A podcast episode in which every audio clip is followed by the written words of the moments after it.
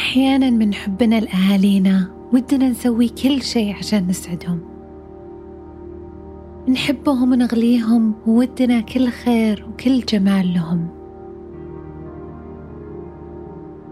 وخاصة مع الأم والأب نقدم لهم كل شيء ونسوي أي شيء عشان يكونون فخورين فينا.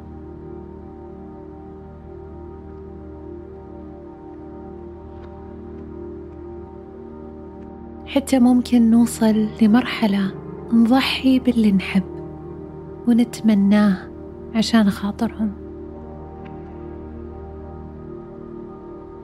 نغير مسار حياتنا بالكامل عشان رضاهم.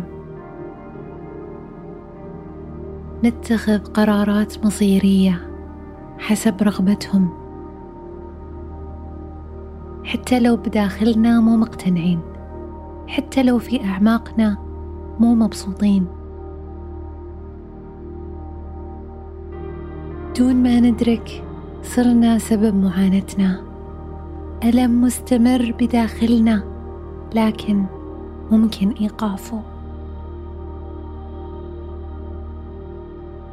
لما ندرك ما في داخلنا نقدر نغير القصة اللي نقولها.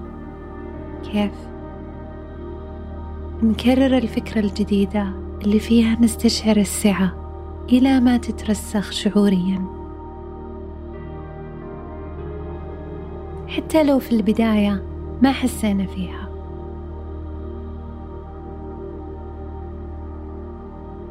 مع الوقت شوي شوي لما نكرر ونكرر على ذواتنا قصة مختلفة. لما نؤمن إنه نقدر نختار اختيار جديد يتحرك شيء داخل قلوبنا ونحس بالتغيير.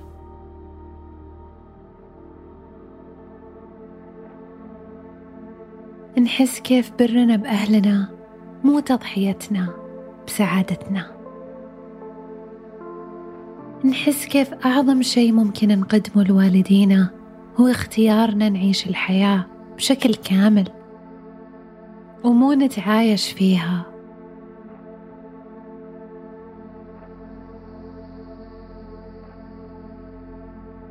كيف بداخل كل أم وكل أب أكبر أمنية إنه أولادهم يكونوا بخير يكونون في سعادة.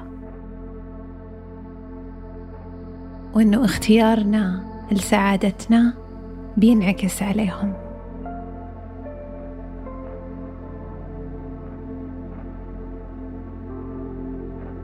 كرر معي وعرف إذا سألنا السؤال الصح الإجابة الصح تتسهل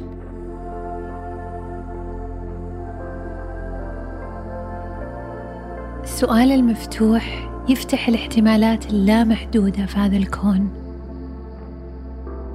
لأنه يخلق لنا المساحة اللي فيها نستقبل الإجابة بكل يسر.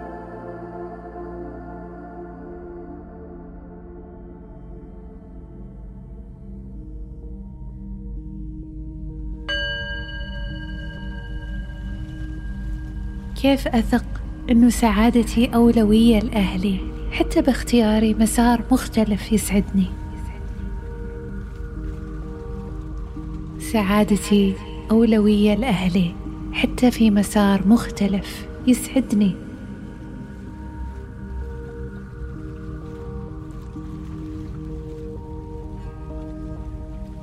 كيف أستشعر بري لأهلي إني أعيش الحياة بكل بهجة.